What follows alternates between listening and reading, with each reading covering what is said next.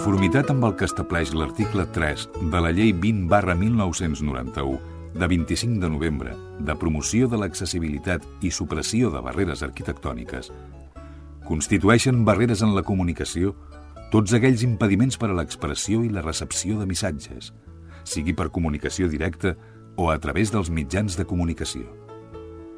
És per això que, emparant-nos en aquesta llei, volem que cada ciutadà gaudeixi del seu propi espai per moure's. Un espai sense censura. Un espai en què vosaltres sigueu els protagonistes. En definitiva, un espai per tothom. Benvinguts a Espai Vital.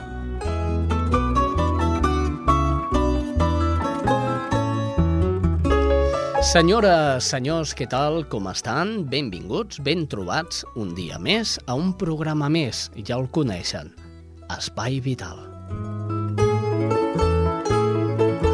Com cada setmana intentem rodejar-nos de la bona gent per fer un bon programa. Avui tenim a la Teresa Diviu, sempre primera per deferència, la nostra cuinera adaptada. Teresa, què tal? Bon dia. Bon dia a tothom.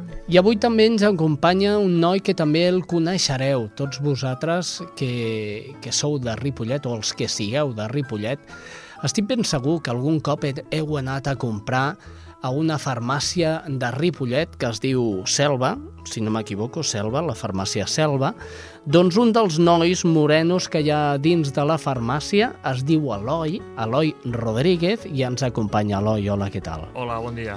Bon dia. Amb ell volem parlar d'aquesta nova iniciativa de tenir proves ràpides per l'UVIH, per saber si tens el SIDA o no.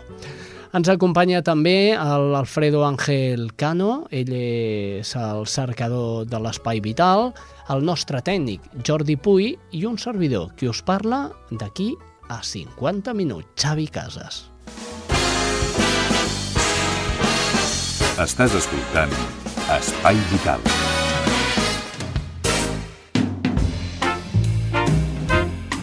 Endinsem-nos dintre del programa Espai Vital i comencem amb la farmàcia. Perquè ja tenim el farmacèutic, doncs sapiguem qui, qui, qui fa aquest farmacèutic aquí, qui l'ha cridat amb aquest farmacèutic. Doncs hem cridat nosaltres perquè 36 farmàcies de 21 municipis de la província de Barcelona, entre elles Ripollet, oferiran a partir de ja mateix, de fet ja ho estan oferint, el test de detecció ràpida del VIH, el conegut més comúment com la malaltia de la sida, una malaltia mortal però que ara es pot prevenir. Sempre és millor prevenir que curar. Eloi Rodríguez, ara sí, ara estem amb tu. Benvingut. Em sembla que em deia l'Eloi que avui ja hi ha hagut la primera prova a la farmàcia, la primera prova ràpida aquesta que hem dit, no? De, de la sida. Efectivament. Molt bé. No ens diguis el nom, però surti positiva o negativa? Negativa. Negativa, això és importantíssim. Començar un programa així, li ha sortit negatiu, no té la sida. Però bé, aquells que pugueu tenir la sida, no patiu que les coses avancen molt ràpidament i així ens ho pot dir l'Eloi. És així, Eloi, ¿no? És així. La, la sida ya no es lo que era. Ya no es lo mismo. Ya, ya no es lo mismo. Ni el cáncer, tampoco. Ni el cáncer, el tampoco. cáncer, el cáncer antes decían, tiene cáncer. Eh, això volies dir que em mories. Ara Sí. no. Ara dice, tiene cáncer, pero tiene usted una terapia preparada para, para poder curar gran parte de los síntomas del càncer. Encara no hem aconseguit curar-ho del tot, però sí s'han fet molts avenços. Eloi, a veure, una de les eh, 36 farmàcies de tot Catalunya que han començat ja a fer aquesta prova. Molt bé, eh, sorpresa, suposo, a l'hora de, de ser escollit com a farmàcia, una de les farmàcies de Catalunya que farà aquesta prova, no? Sí, perquè havien de complir uns requisits i fer uns cursets. Però molt bé, estem molt contents de poder oferir aquest servei. Molt bé, quins requisits eh, eh, us demanaven per poder fer aquest servei? Poder tenir un sistema de- d'eliminació de, de residus, que era el més important, Mm -hmm. i ser una farmàcia homologada. Homologada. Això què vol dir? Que, que podeu vendre medicaments, no? No, d'oferir més serveis. Sigui, per exemple, ja teníem experiència en fer anàlisis, Sí. feien colesterol, glucosa, proves de fetge, i això ja és un valor afegit per poder ser escollit. I quan se us va dir que estàveu escollits i, i que quan començaríeu? Fa uns tres mesos. Al gener-febrer van fer els cursets, llavors ja sabien que, que estaven escollits, i fa una setmana o així van enviar ja els kits i tot per fer la prova. Molt bé, l'Eloi va fer el curset per fer aquesta prova. Mm, La meva pregunta, abans de preguntar-te eh, de què va aquest curset, Mm. eh, la meva pregunta és tan difícil aquesta prova com per haver de fer un curset?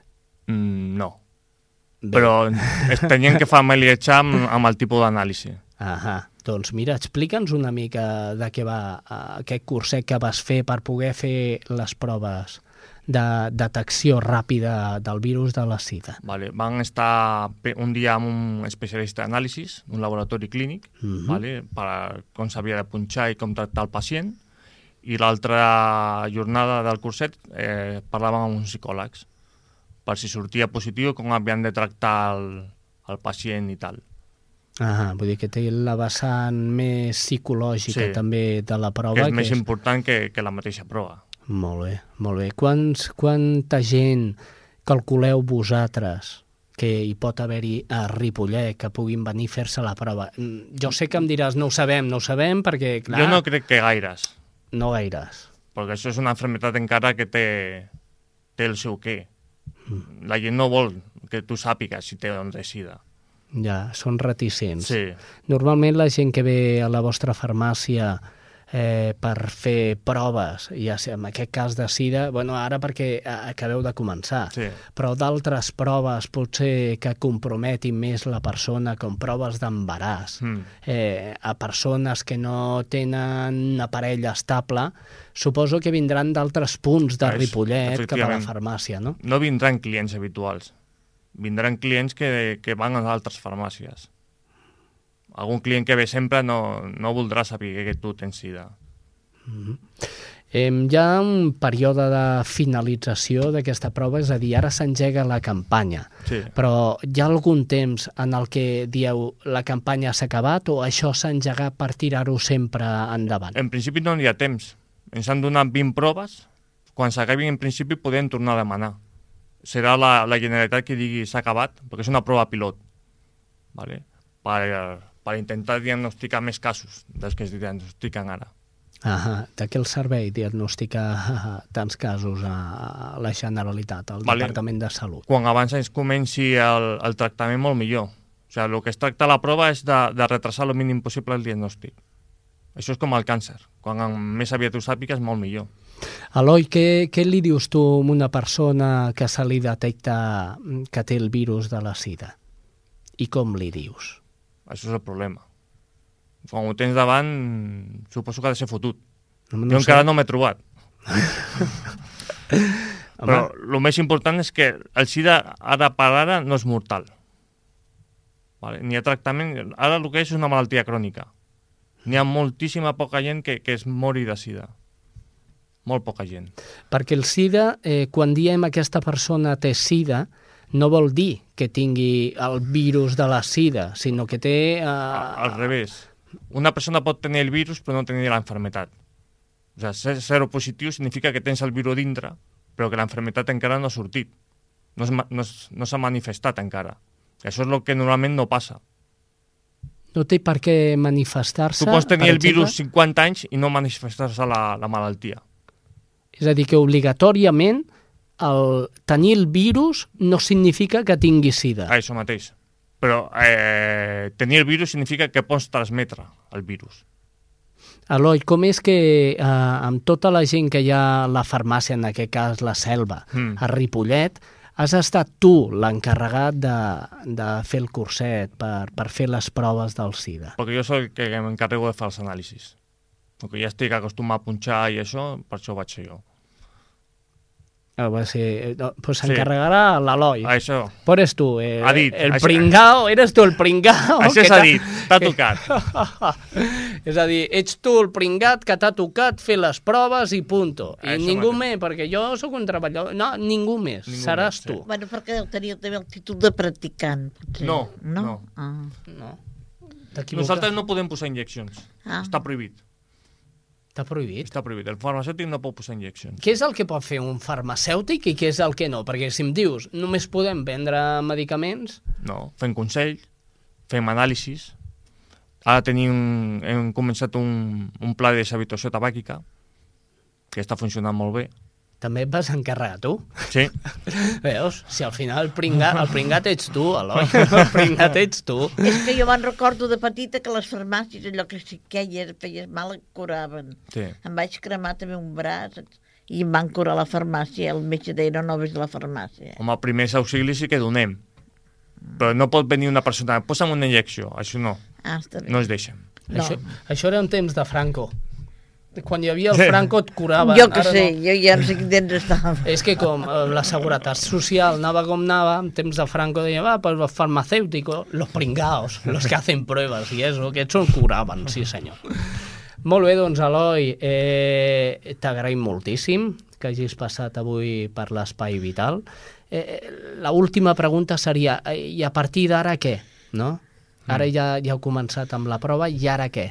Amb, amb els resultats de les proves eh, es fa un Excel i s'envia un altre cop al Departament de la Generalitat o què fem? Tots els datos, siguin positius o negatius, s'enviaran a la Generalitat per fer l'estudi i els que surtin positius es, devira, es deriven directament a l'hospital. Jo tinc un telèfon directe de, de l'Hospital Taulí, de l'encarregat de SIDA, i si surt algun positiu, parlar amb ell i enviar el pacient el més ràpid possible. Ah, molt bé. És a dir, que no és només la... la... El resultat de la prova, no. Ja es encarreguem Ja- nosaltres de posar-ho en contacte amb, amb l'hospital. Ja directe al metge, ja. Sí. És a dir, no només és fer la prova, sinó fer una mica el seguiment Sí. fins que el pacient està a l'hospital. Sí. I és atès. I, sí. i dic Que jo... això és l'important, que si No, realment surt positiu, que tingui un tractament, Ahà. El més ràpid possible. Quin és el tractament que se li dona a les persones que els hi detecten que porten el virus de la sida? Mm, depèn de cada, de cada cas. N'hi ha 5 o 6 retrovirals i depèn de la càrrega viral que té el pacient, que si es fa a l'hospital, donen una cosa o donen una altra. Eh, parlem una miqueta planament. Mm, Jo sé el que és un retroviral, però estic molt segur que la gent que ens escolta ara mateix eh, no saben exactament què és un retroviral. Per parlar-ho llanament, és mm, una pastilla per, per lluitar contra el virus, un antiviral. Vale, I què fa aquesta pastilla? Inactivar el virus. Inactivar, vol dir que No el mata, però el deixa allà, que no es manifesti. el deixa inactiu. Sí. És una miqueta com deixar les escombraries, no? Sí, a un costat, que no es vegin, sota la catifa, Però que hi són, igualment hi Hi són, són, no, no els elimina, No els elimina. del cos. Bé, doncs mira, veus, ja sabem que Una és un més. retroviral d'aquests. Sí, digue. sí, no ho sabia jo, Ah, no sabíem, no? Nunca te acostaràs sin saber algo más. I avui l'Heroi ens està ajudant. Doncs dèiem que gràcies per haver estat avui al programa. De veritat, i a vostès, vagin a la farmàcia Selva si tenen un problema d'aquest tipus, que són molt callats i no diran res, no parlen com els metges, no, no diran aquest senyor té, té sida o el senyor del carrer tal, aquell home que tal, doncs pues mira, té el sida. No ho diran, això. Una cosa important que no he dit, la prova és totalment anònima. No s'agafa cap nom a ningú. Molt bé, doncs, collonot. Excepte quan heu de trucar al taulí, que llavors sí que... Sí, però això ja serà el nom. pacient que es parla amb el metge. Què dius, Teresa? Que està molt bé, això. Jo trobo que tothom, la jovent, o grans, el que sigui, que digui, oh, jo em sembla que té, tinc por de- d'això, pues que es faci la prova, una punxada no és res, i a menys vas més segur i més tranquil·litat per ells i per la família, si són família. Molt bé, Teresa, clar que sí. Per cert, vosaltres eh, heu signat el codi deontològic els metges firmen o no? Mm, no, en principi no. No l'heu firmat.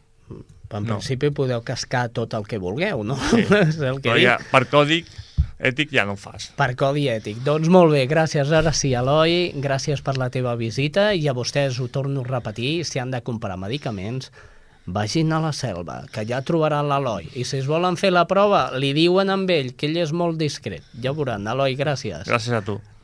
Saps, filla, m'he trobat a la Montserrat. Fa temps que té anèmia i amb no res es cansa. Li he dit que si era celíaca, com jo... Ai, quines coses tens, mare. Una de cada 100 persones a Catalunya és celíaca i no ho sap. Si creus que pot ser celíac, truca'ns. 902 235 422. 902 235 422. És un consell de l'Associació de Celíacs de Catalunya. Què passaria si beguessis aigua només una vegada? Que al cap de poques hores et trobaries la boca i els ulls ressecs. Se t'acceleraria el pols i tindries convulsions. Després tindries vertigen i perdries el coneixement. Què passa si dones sang només una vegada? Que al cap de pocs dies ens comencen a faltar glòbuls vermells. Després baixen les nostres reserves per fer transfusions. Tot seguit comencem a trobar que ens manquen plaquetes. Així no podem ajudar els malalts de càncer, ni podem atendre emergències. Necessitem que tornis a donar sang, com tu necessites tornar a beure aigua. Amb una vegada no n'hi ha prou. Vine a donar. Banc de sang.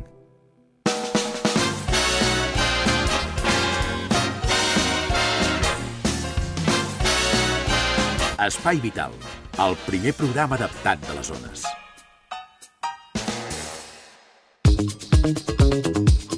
Seguim endavant, ja coneixen la sintonia. És la sintonia de la roda informativa eh, del Vallès Occidental. Volem saber quines són les últimes notícies arribades a la redacció d'informatius de, de salut de mm, Cerdanyola, Ripollet, Montcada, Barberà i Santa Perpètua de la Moguda. Comencem per Cerdanyola, allà es troba la Marga Almagro, eh, ens porta una notícia, si no m'equivoco, de solidaritat. La saludem. Hola, Marga. Hola Xavi, avui la crònica des de Cerdanyola Ràdio per a l'Espai Vital us parlarem de solidaritat perquè Can Xarau acollirà el proper 9 de maig a partir de les 8 de la tarda el primer festival Patinassos que oferirà patinatge artístic acompanyat de música en directe.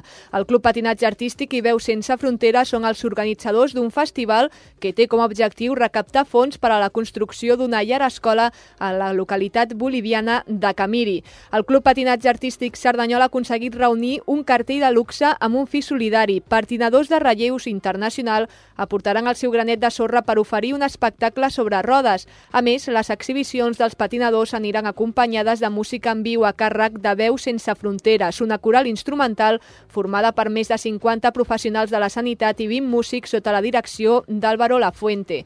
Alba Pérez, patinadora internacional i entrenadora del club local, va ser l'encarregada de confeccionar el cartell de patinadors i també de coordinar la música que per primera vegada serà serà en directe des del mateix eh, pavelló. El preu de l'entrada per assistir al primer festival Patinassos serà de 7 euros. Els diners recaptats serviran per a col·laborar en la construcció d'una llar escola a Camiri amb capacitat per acollir més de 60 nens i nenes. El projecte va néixer ara fa 6 anys com un programa per acollir a nens i nenes del carrer, proporcionar-los una atenció sanitària mínima i sobretot ajudar-los a sortir de la pobresa mitjançant l'educació. Anna Barbero, vicepresidenta de Veus Sense Fronteres, eh, comentava durant la presentació del primer festival Patinassos que la futura llar escola durà el nom de Cerdanyola del Vallès. A més, el president de la Federació Catalana de Patinatge, Ramon Baciana, també afegia que si a l'exterior de la futura instal·lació s'asfalta un espai, la federació proporcionarà material per a que els nens i nenes puguin fer esport. Les entrades per al primer festival Patinassos, que se celebrarà el proper 9 de maig al pavelló de Can Xarau a partir de les 8 de la tarda, es poden comprar de forma anticipada al pavelló de Can Xarau, al bar Canaletes, a la floristeria Casa Mitjana, a la farmàcia Baix Hidalgo i a la Federació Catalana de Patinatge. Això és tot des de Cerdanyola Ràdio fins la setmana vinent. Gràcies, Marga Almagro. Anem cap a Ripollet. Allà es troba la cap d'informatius, Remei Herrera, que ens fa 5 cèntims. Hola Xavi, aquesta setmana us podem explicar que Ripollet va aprovar el ple ordinari del passat 30 d'abril la seva adhesió al Fòrum de Pobles i Ciutats pels Drets Humans impulsat per la Diputació de Barcelona. Aquest punt a l'ordre del dia es va incloure a petició del defensor del ciutadà de Ripollet, Ramon Costa. La idea dels drets humans a la ciutat parteix de la premissa que el respecte dels drets humans correspon a tota l'administració en els seus diferents nivells territorials i sectorials i dins dels seus respectius àmbits de competència. La concreció d'aquests drets humans a la ciutat la trobem a la Carta Europea de Salvaguarda dels Drets Humans a la ciutat, on també està escrit l'Ajuntament de Ripollet. Aquest document és un instrument normatiu de caràcter transnacional adoptat per centenars de municipis europeus, incloent-hi un bon nombre de ciutats catalanes i de la província de Barcelona.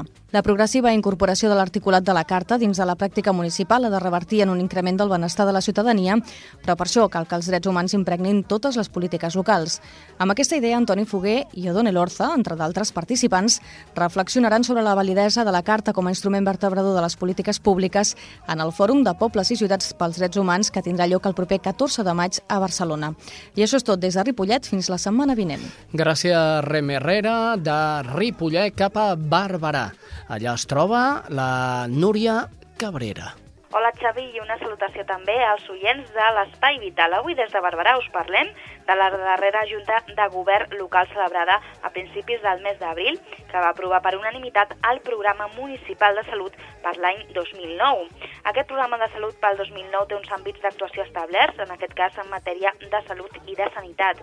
Els objectius principals d'aquest programa es basen en la promoció de manera global de la salut a la ciutat, col·laborar per aconseguir la igualtat de les persones enfront la salut i eliminar els aspectes negatius de la marginació psíquica, física i sociocultural.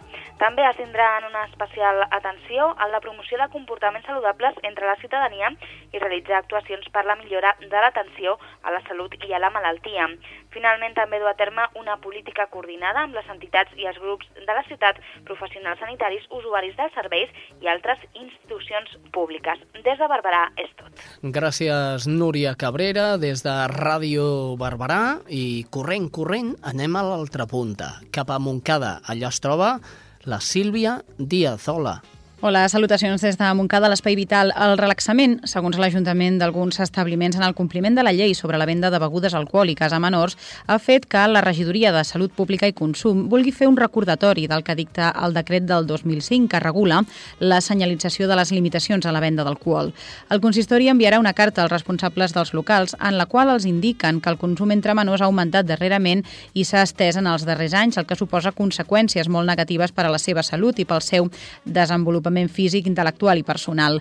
Les dades estadístiques indiquen que en els últims anys s'ha produït canvis de consum entre els menors de 18 anys, produint-se un increment dels consums abusius en curts terminis de temps, principalment durant els caps de setmana. Segons la darrera enquesta escolar sobre consum de drogues, feta a Montcada el 2008, la gran majoria d'alumnes assegura haver begut alguna vegada a la vida, el 87%, el 53% haver-ho fet en l'últim mes i el 41% en la darrera setmana. Entre els joves que declaren haver sortit de marxa un cop a la setmana en el darrer mes, més de la meitat ha consumit alcohol en els darrers 7 dies, més del 50%, i tres quartes parts dels que asseguren sortir dos o tres dies a la setmana n'ha consumit en el darrer mes, una xifra que arriba al 75% i el 63% en la darrera setmana. I en general hi ha una major prevalença de consum entre noies que entre nois, tot i que la diferència és molt lleugera.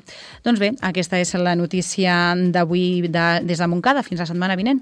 Fins la setmana vinent, Sílvia. De fet, amb aquest, eh, amb aquest estudi que s'ha fet, diuen que són les dones, noies, les que veuen més i més van de marxa. Eh, Teresa? Jo tinc dues noies i jo no, no veig que... No, no, si parlo de tu, ah, no de les no, teves no. filles, eh? No, tu no veus? Jo, aiga, sí, llet.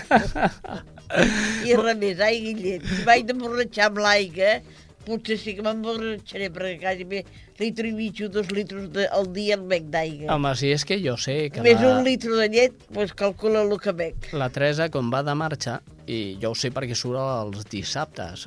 Després us diré eh, eh, quins locals ressenta la... Doncs pues mira, la, la... ja t'ho diré jo. La nostra cuinera. La plaça. La plaça. La missa, a missa a, a i mi... sense acabó. Ho veus? A missa no es veu el càliz, allò? No es bueno, veu el veu, vi? Ho veu el capellà, jo no ho veig. Ah, aquest és el borratxo. Molt bé, ens queda per últim ja, la última de les emissores, Santa Perpètua de la Moguda. Allà tenim l'estrella Núñez i aquesta és la, la crònica. Hola, Xavi. Hola, amics i amigues de l'Espai Vital. Des de Santa Perpètua avui us fem arribar una notícia que fa referència a la salut d'infants d'un poble que pateix molts problemes, el poble Sarauí.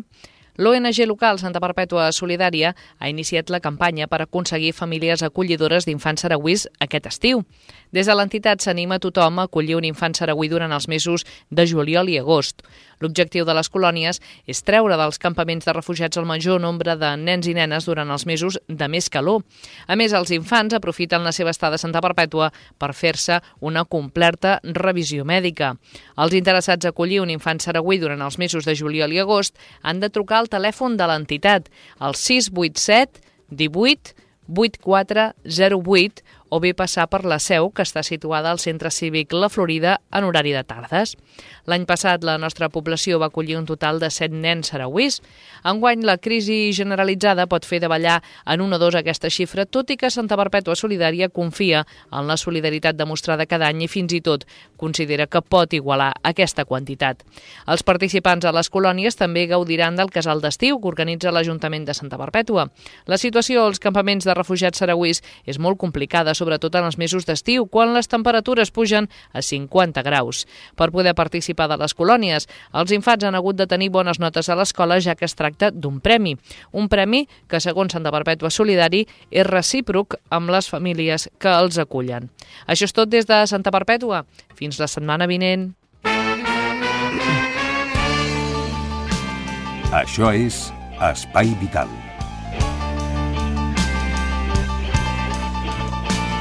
I si us heu fixat, avui a les cròniques fonamentalment hi ha hagut solidaritat. Fa molt temps que no tenim el Xavi Roldán eh, parlant-nos de solidaritat al seu espai. Avui el saludem i que faci el seu espai. Xavi Roldán, hola, què tal? Hola, Xavi Casas, què tal?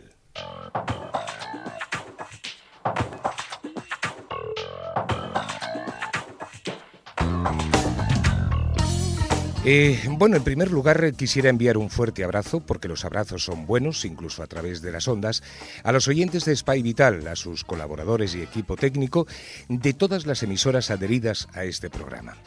Hace ya muchos programas que no contaban con mi presencia. ¿Por qué? se preguntarían. Respuesta. Hay muchas razones, personales en primer lugar y en segundo lugar de fe. No es que no tengamos fe en las ONGs, en los ayuntamientos, en los grandes estamentos, no. Ahora nos falta fe o confianza en todo y en todos. Si hablamos de políticos o de financieros o de bancos, cajas, bancos centrales, hablemos de lo que hablemos y estemos donde estemos, desde hace ya unos cuantos meses, tenemos la sensación de estar solos en dirección a un precipicio que no entendemos. No hace mucho teníamos de sobra y de todo.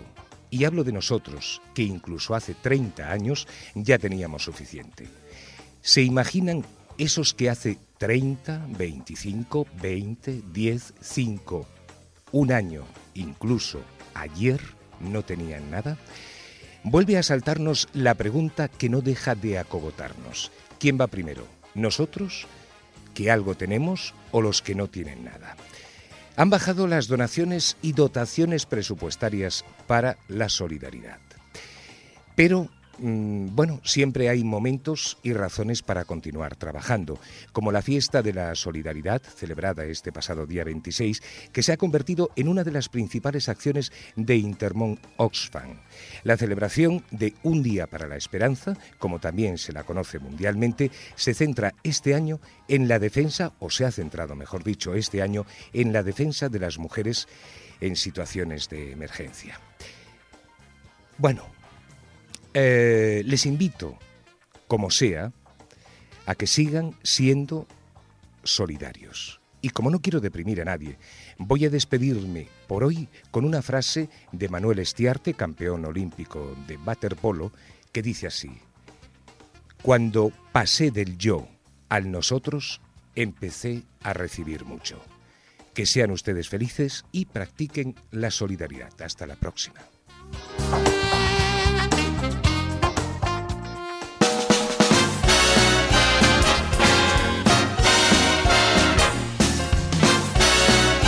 Espai Vital, el primer programa adaptat de les zones.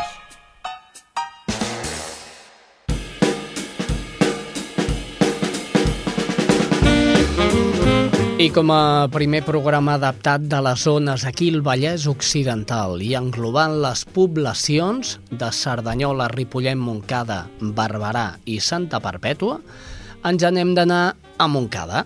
Precisament l'associació Adimir, eh, que és l'associació de discapacitats de Montcada i Reixac, eh, ens ofereix l'espai que cada mes ens porta, en aquest cas en primera persona, la nostra corresponsal Anna Ballesta. Hola, Anna. Hola, molt bona tarda, molt bon dia, depenent de quan escolteu aquest programa. Xavi, una abraçada molt forta, una vegada més. Estem aquí en l'espai Adimir, dintre del programa Espai Vital. Avui estem contents, estem molt feliços, estem de festa. Per què? Bo, doncs perquè un nen d'Adimir, un nen amb discapacitat, ha guanyat el concurs, guanyat un punt 2009. Carlos, eh, que és el nen que ha guanyat el premi, ha tingut l'oportunitat de, de participar en aquest concurs gràcies a l'activitat d'extraescolar de plàstica que s'ha fet a través de l'AMPA del CEIP Reixac i que és una, un projecte d'integració que està fent conjuntament amb Adimir. Eh, a mi m'agradaria avui tenir uns convidats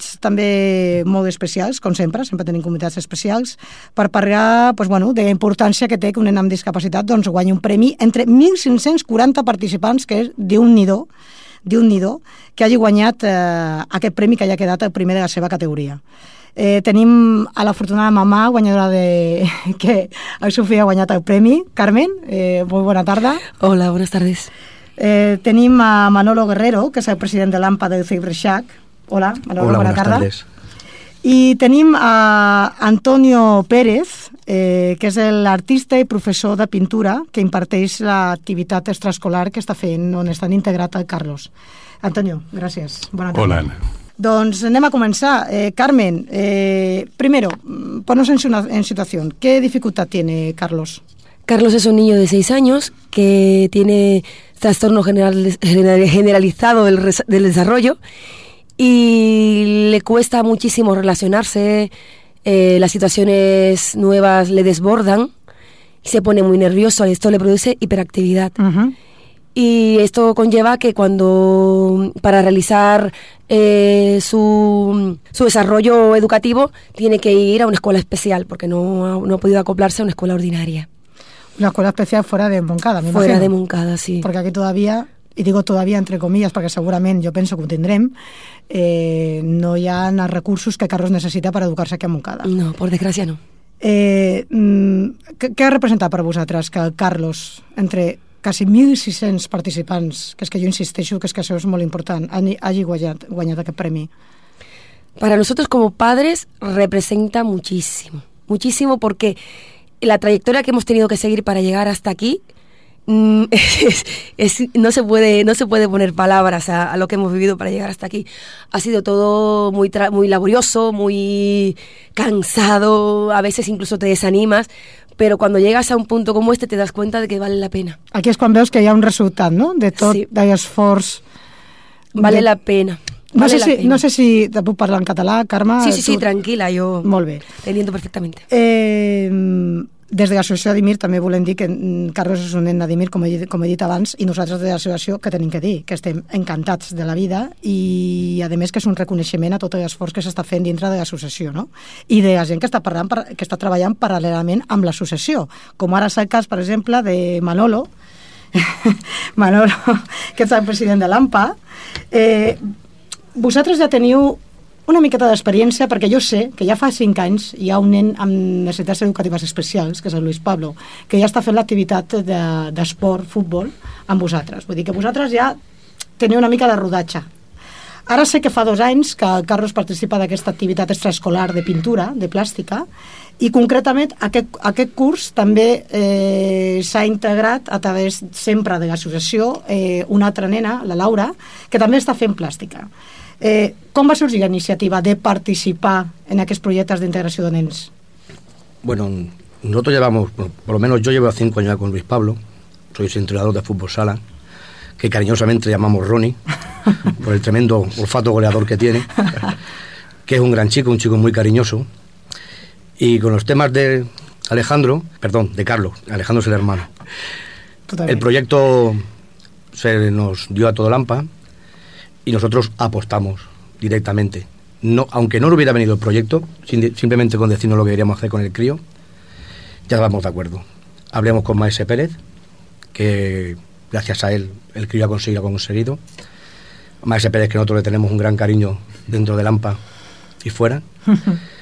y mm, agradecemos la, labor que está hecha, que está haciendo, perdón.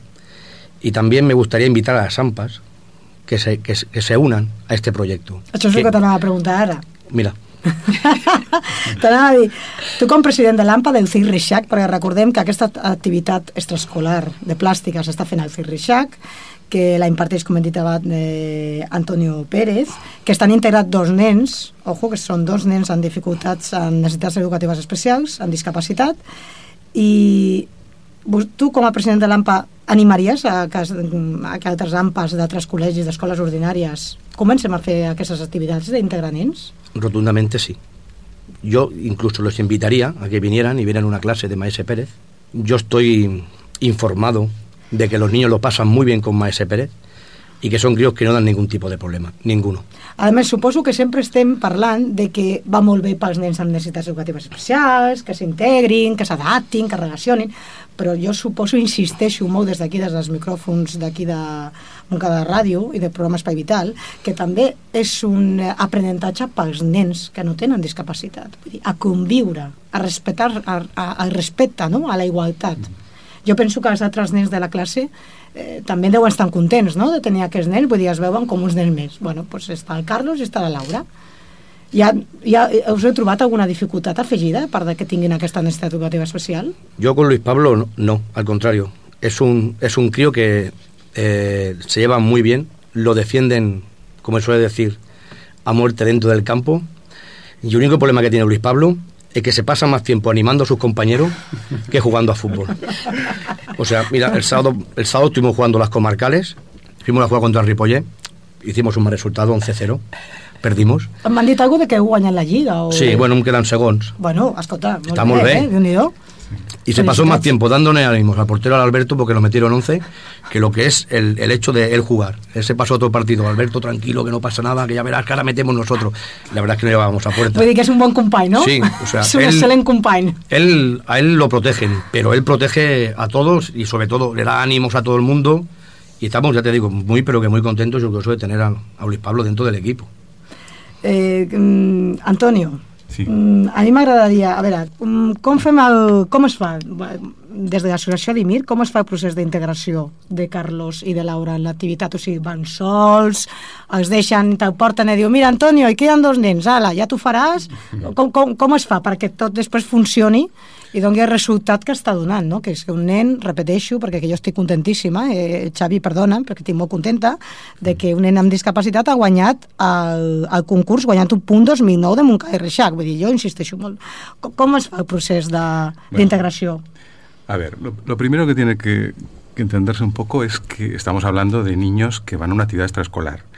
Y estos niños, eh, si no fuera porque tienen necesidades especiales educativas, no, no, tendríamos que hacernos ninguna pregunta, sencillamente. ¿Por qué van a una actividad así? Pues porque les gusta.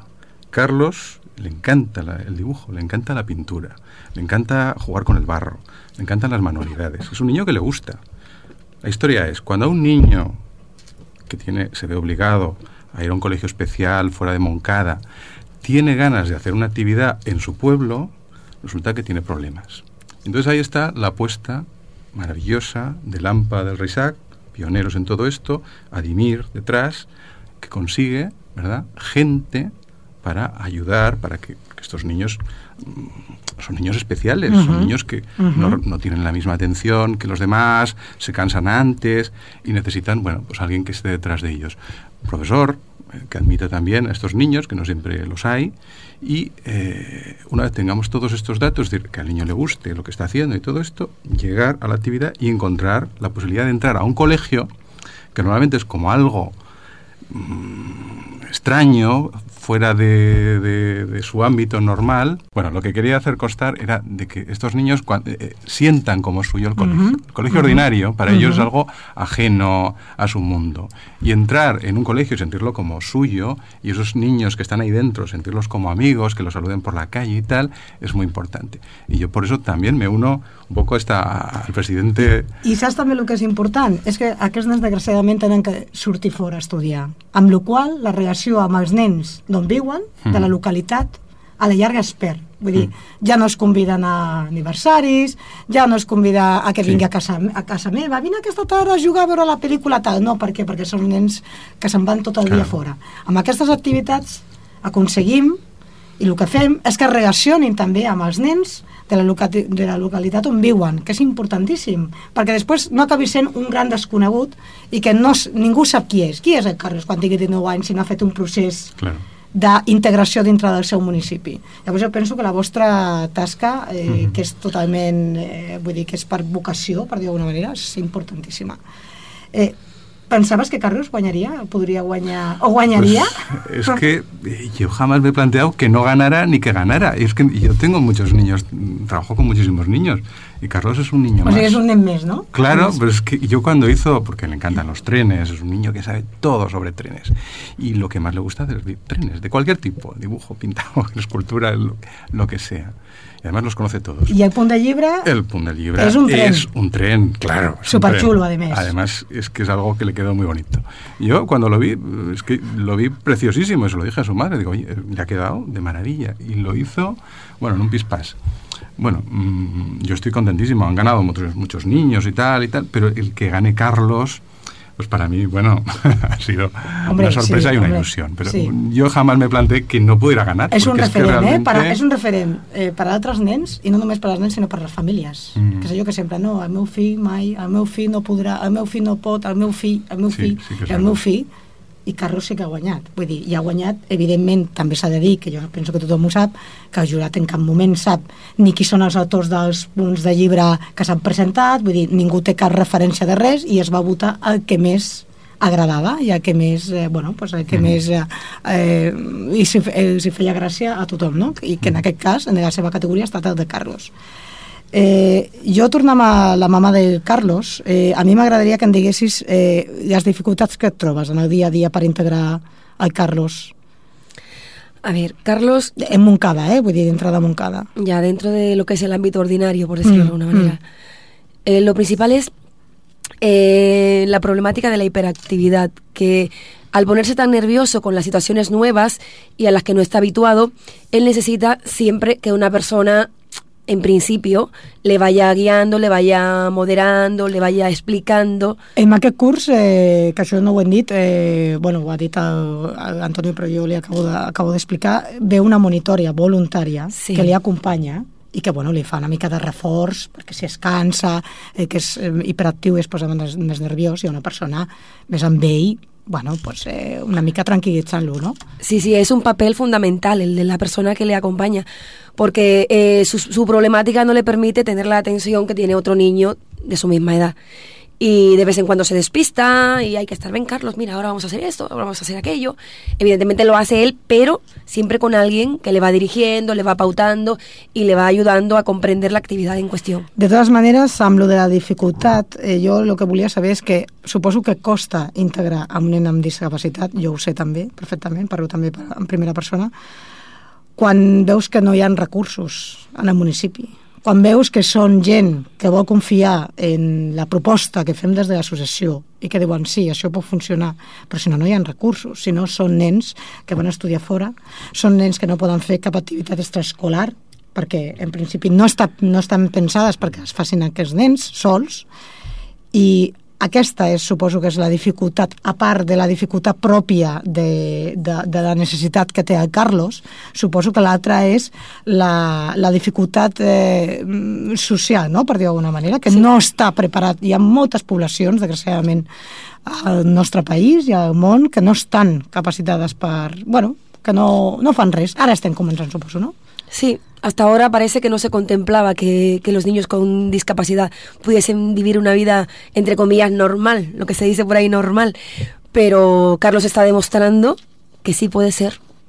Nos está dando una lección a todos. Doncs Carmen, yo en quedo de las tebas palabras. Carlos está demostrando, ha demostrado que sí puede ser, que puede ser realidad, que puede ser verdad, que no és un sueño, que un nen de discapacitat ha guanyat aquest concurs i només té 6 anys, s'ha de dir, que només té 6 anys, i jo us agraeixo a tots que hàgiu vingut eh, aquí pues, a explicar la vostra experiència, us agraeixo la vostra implicació, les vostres ganes de treballar, eh, i bueno, que suposo que sou una porta d'entrada per a altres AMPAs, altres professors que facin activitats extraescolars.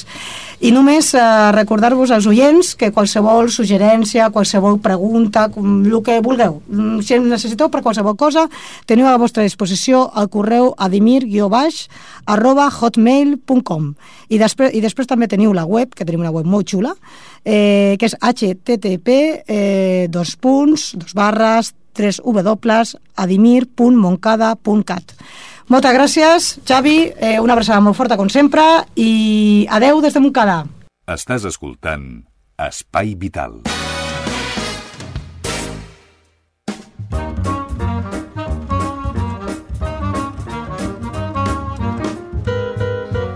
No faria falta que presentés l'espai. Amb aquesta sintonia ja tots saben què és el que ve. Sí, senyors. Home, a menjar. A menjar. Li toca a la Teresa Diviu, l'espai de cuina adaptada, que avui ens porta una amanida, però no una amanida de, de quatre fulles verdes no, no. i un tomàquet, no? No, consistent. Que, quina bona amanida. Què ens Amanida portes? de cigrons i llenties.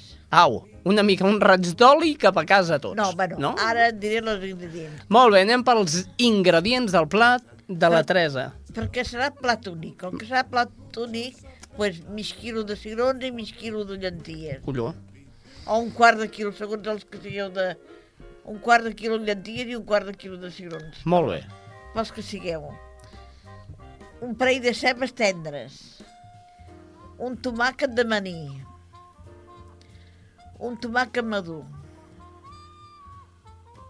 Unes quantes olives negres, d'aquelles sense pinyol. Unes quantes de verdes. Un ou dur. Pebrot, pebrot. Pebrot vermell també, sí. Veus també. com jo ho sabia? Que Clar, per, perquè té una miqueta de color. aquestes amanides sempre tenen Sí, pebrot. Ja ho sé. Pebrot, sí. Mm. I després atún, Tonyina tonyina, sí, i ou dur. i llaudo, sí. I un, o- i un tomàquet madur per fer la vinagreta. Aquest és el segon tomàquet, aquest. Sí, A part aquest... la vinagreta, no? Sí, per la vinagreta, que Mhm. necessitarem oli, sal i vinagre. Bé. Està clar, no? Està clar, ho teniu tot apuntat, no? Sí, bueno, comenceu, més val que compreu les llenties cuites i els cigrons cuits, que anireu més de pressa, perquè si heu de coure, heu de posar en remull i coure i tot, doncs mira, per més pràctic jovent ara, comprar-ho ja cuit. Us recordo que la nostra cuinera adaptada es diu així, perquè són plats adaptats, Adaptats. i que costen poc de fer. És a dir, ho pot fer tothom. Estigui amb una cadira de rodes, O estigui dret. o camini, o, o el que sigui. Ho pot fer tothom. Sí, perquè veig que ho escolta gent que està bé i diu quina donaràs aquesta setmana? Bueno, espereu-hi. No us puc revelar aquest secret. No. Doncs molt bé. Bueno, comencem, posem les, les mongetes, ai no mongetes, cigrons i llenties, tots junts en un bol. Molt bé. I posem l'ou dur, també tallat de trossets, allà dintre. Mm. La tonyina. Les olives, si les podeu partir en quatre trossos, us anirà més bé. És a dir, que agafeu-la sense pinyol. Això mateix. Anirà més bé per, per partir-ho. La ceba, doncs traieu el que, les fulles que no valguin i el, i el cul, i en quant ho talleu, poseu-la a sobre un paper de, Destressar. no, de tovallola eh, o, Ahà. o un tovalló de paper de, o de, de roba. Molt I ja més bé per partir-ho, Per tallar. per tallar-lo a la meitat. Quan el tingueu a la meitat, després ja podeu fer a trossos, a rodanxes. Molt I ho tireu també allà, els cigrons. El tomàquet també. Talleu-lo a trossos, petits o, o més grossos, el que vulgueu. I també allà dintre. Aquí ja ho tingueu tot barrejat, amb la forquilla ho barregeu. Després amb un altre bol hi feu la vinagreta. I poseu l'oli d'oliva, poseu unes gotes de vinagre i sal. I ratlleu també el tomàquet madur allà dintre. I unes varilles ho bateu, quan ho tingueu ja ben batut, ho tireu per amanint tots els cigrons i la verdura aquella que heu posat. I ja teniu un plat consistent. Si voleu, també hi podeu posar-hi trossos de pernil serrano o del país o del que vulgueu i trossets de xoriço. I així tot un plat consistent que amb un plat ja quedeu temps, ja no cal fer res més. Doncs molt bé, la cuina de la Teresa Diviu, prepareu aquest pla perquè nosaltres ara mateix anirem a casa i ens ho prepararem, ja sigui per dinar o per sopar. Amaya Montero és amb el tema que volem acabar avui, és la de l'oreja de Van Gogh. És un tema que ens ha demanat el nostre farmacèutic. I és molt maco, aquest. De la farmàcia Selva, aquí, a l'Eloi. A l'Eloi també és maco, Ah, i la cançó també. No, si a lo tonto, lo tonto, en el programa se liga. Senyors, ens escoltem la setmana vinent. Que passin vostès bona setmana. Madrugada. Quiero ser una emigrante de tu boca delirante de deseos que una noche convertiste en mi dolor. Quiero creer, quiero saber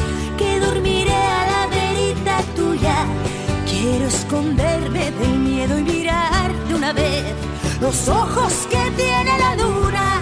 Quiero cantar a la libertad y caminar cerca del mar, amarradita siempre a tu cintura.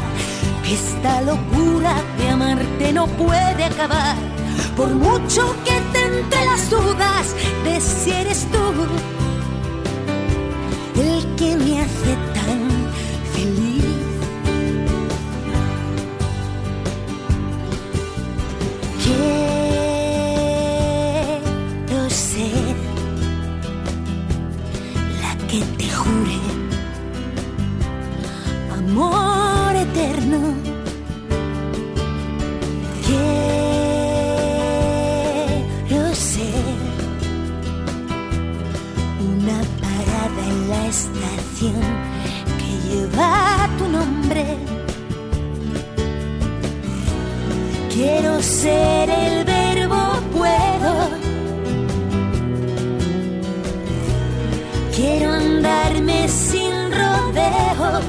confesarte que una tarde empecé a morir por ti. Quiero creer, quiero saber que dormiré a la verita tuya. Quiero esconderme del miedo y mirar de una vez los ojos que tiene la luna. Quiero cantar a la libertad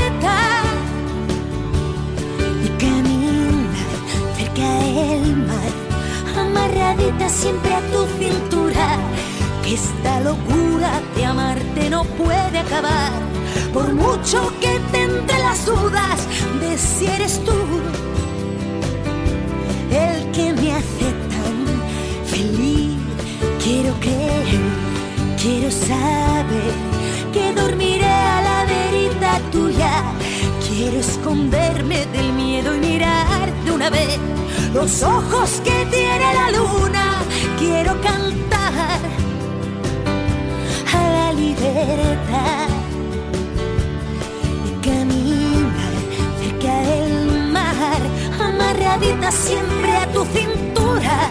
Que esta locura de amarte no puede acabar por mucho que te las dudas de si eres tú.